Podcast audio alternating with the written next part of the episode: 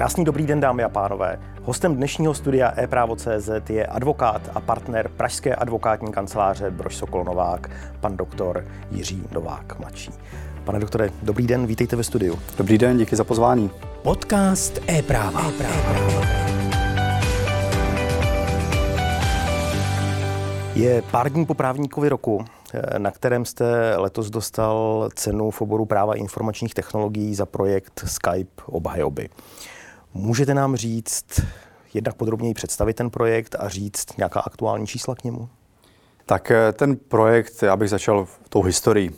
Eh, vznikl ještě dlouho před covidem, byť vlastně covid jej eh, zrodil, jak se později ukázalo, ale ta původní myšlenka byla ještě trošku širší, než je vlastně ten aktuální stav, který, který díky covidu se rozběhl, rozběhl se velmi rychle a který mu vlastně dal i ten název Skype obhajoby, protože eh, funguje přes komunikační platformu eh, Skypeu. Nicméně ten, ta myšlenka toho projektu je trošku detailnější a vychází z myšlenky i nějaké samoobslužnosti advokáta při sjednání si termínu sůzky se svým klientem, který se nachází ve vězení. A termínu Susky ne té osobní, ale právě videokonferenční, což je vlastně ta hlavní myšlenka projektu, umožnit advokátům, aby se se svými klienty, vězněnými klienty, mohli setkat vzdáleně, aby nemuseli cestovat leckli dlouhé hodiny do věznice, tam čekat na předvedení klienta a to vše třeba kvůli krátké 20-minutové eh, poradě s tím daným klientem. No a pak samozřejmě absolvovat celou tu cestu zpátky. Takže kromě ušetření času a kilometrů za volantem eh, je to eh, projekt, který cílil také na ušetření nákladů těch advokátů a zejména těch jejich klientů a v případě ex ofo obhajob také státních peněz. No a s touto myšlenkou vlastně jsem kdysi dávno oslovil vězeňskou službu. Ta, tu, tato myšlenka nadchla, vlastně začali jsme spolupracovat na, na přípravě projektu.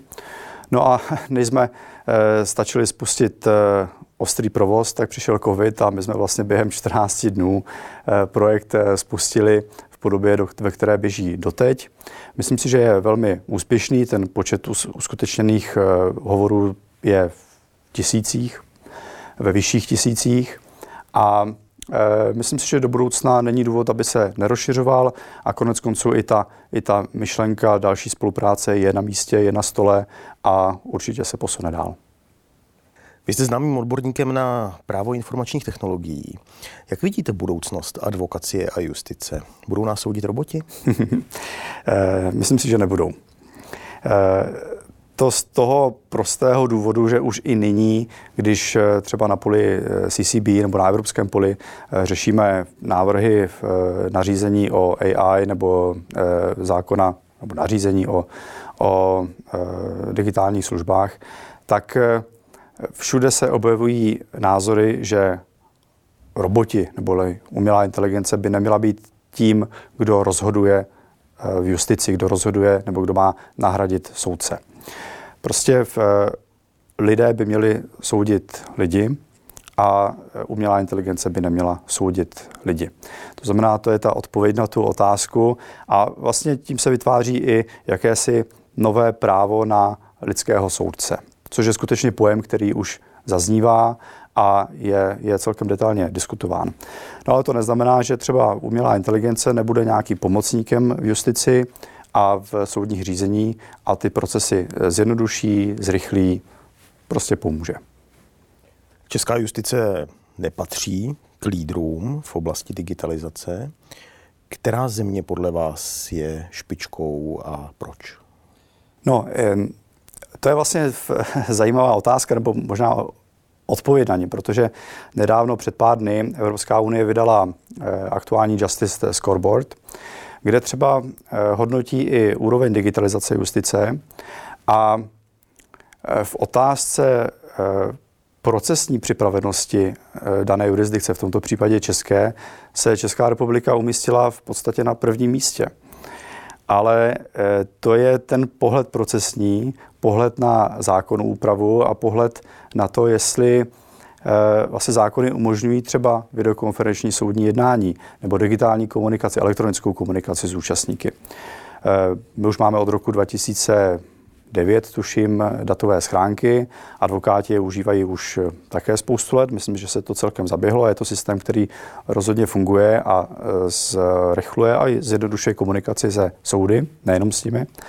Ale třeba co se týče té eh, procesní připravenosti, tak ano, je pravda, že třeba v občanském soudním řádu máme ustanovení, které počítá s videokonferenčním jednáním, obdobně i v trestním řádu, ale jsou to ustanovení, která vychází úplně z jiné představy videokonference, než je ta vlastně aktuální. Oni vychází z nějaké představy, že eh, bude probíhat videokonferenční jednání mezi dvěma soudy, kdy na druhé straně eh, bude sedět eh, zase nějaký justiční pracovník, který třeba ověří totožnost toho, toho účastníka, který se účastní vzdáleně. A nepočítají s tím vlastně v novým stavem, kdy ten účastník se může připojit třeba ze své kanceláře, nebo z domova, advokát ze své advokátní kanceláře. A e, vůbec třeba neřeší tu otázku ověření totožnosti těch e, účastníků. A nemusí to být jenom účastník, může to být svědek, může to být, e, může to být nějaký odborník a tak dále. Takže z toho pohledu procesního, ano, tam se umístíme, tam jsme se umístili na prvním místě, ale když se díváme hloub, tak už ta realita není tak radostná. A třeba co se týče eh, pohledu na používání digitálních technologií v justici, eh, v tom, v tom vnitřním systému, no tak tam je Česká republika poslední. A eh, myslím si, že to je škoda. Myslím si, že v, existuje spoustu hlasů, které volají po větší digitalizaci justice, elektronizaci těch služeb, v podstatě justičních služeb, dá se říct. A myslím si, že dříve nebo později si tam dostaneme, ale už by bylo eh, záhodno do toho vlaku naskočit. Jste společníkem jedné z nejslavnějších kanceláří na českém trhu, advokátní kanceláře Brož Sokol Novák. Eh, jak jste na tom s digitalizací? Je pod svícnem tma nebo jste lídry?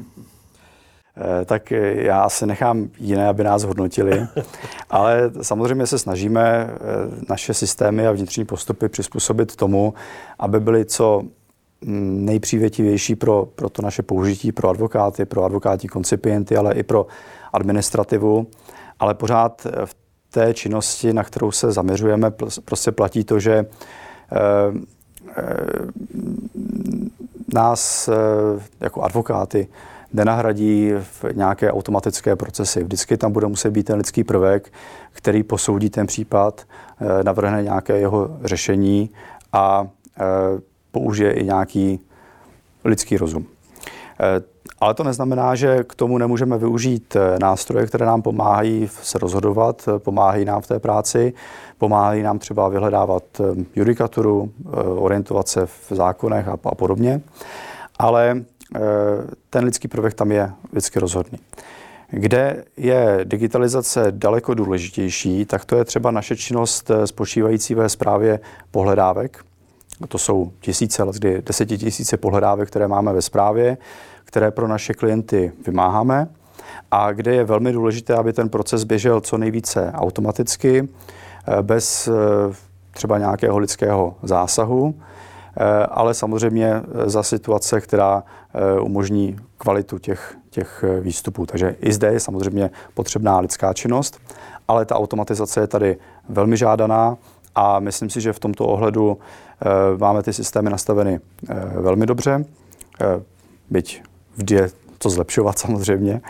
A máme nastavené efektivně a způsobem, který zase přispívá našim klientům, protože třeba tu zpětnou vazbu, kterou od nich dostáváme, co se týče porovnávání advokátních kanceláří, které se zabývají vymáháním, no, hromadným vymáháním pohledávek, tak to máme velmi pozitivní. Kam advokacie směřuje podle vás? Kde bude za deset let třeba? Myslím si, že eh, aktuálně advokacie stojí eh, nechci říct ani na rozcestí, protože to rozhodnutí už v podstatě bylo dáno, ale je na, na cestě, která vede eh, k širšímu, k širší elektronizaci advokátních služeb. A teď myslím služeb advokátní komory nebo jako advokaci jako takové vůči svým členům, vůči advokátům. Je to něco, na čem, pokud vím, tak už advokátní komora pracuje A je to něco, co se za pár let určitě dostane úplně do jiné úrovně, než, než máme nyní. Co vás na advokaci baví? Všechno. Všechno. Ta uh, variabilita, to, že to není, uh, že to není prostě v, uh, jednoduché uh, bouchání do stroje nebo v uh, řízení uh, po nějaké stejné trase, je to prostě něco, co je každý den jiné. Je to něco, co udržuje člověka nejen v kanceláři, když potřebuje, ale také v běhu, i mimo kancelář. A mm, zaměstnává to v mozek. Kde vidíte největší problémy české advokacie? Já jsem životní optimista. Takže v slovo problém bych asi nepoužil v tomto, v tomto směru. Ale jak jsem už naznačil, určitě je co zlepšovat. Myslím, že eh, digitální služby pro advokáty nebo obsluha advokacie eh, má určitě prostor k posunu. A eh, to je konec konců mm, asi oblast, které se věnuji, tak proto, proto ji zmiňuji. Těch oblastí asi může být i víc, ale řekl bych, nazval bych to prostorem ke zlepšení, nikoli problémem. Co vás potěšilo jako advokáta při výkonu praxe v poslední době? udělení ceny svatého Iva.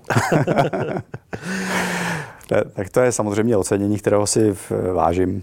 Eh, ten projekt nevznikal jaksi s tímto, tímto cílem a eh, ani jsem netušil, že něco takového přijde, ale velmi mě to potěšilo. Pane doktore, děkuji za návštěvu, děkuji, že jste byl hostem studia e-právo.cz a budu se těšit na budoucí setkání. Děkuji za pozvání. Dámy a pánové, hostem studia e-právo.cz byl advokát a partner Pražské advokátní kanceláře Broj Sokol Novák, doktor Jiří Novák mladší. Děkuji za pozornost, děkuji, že jste s námi a přeji vám hezké léto.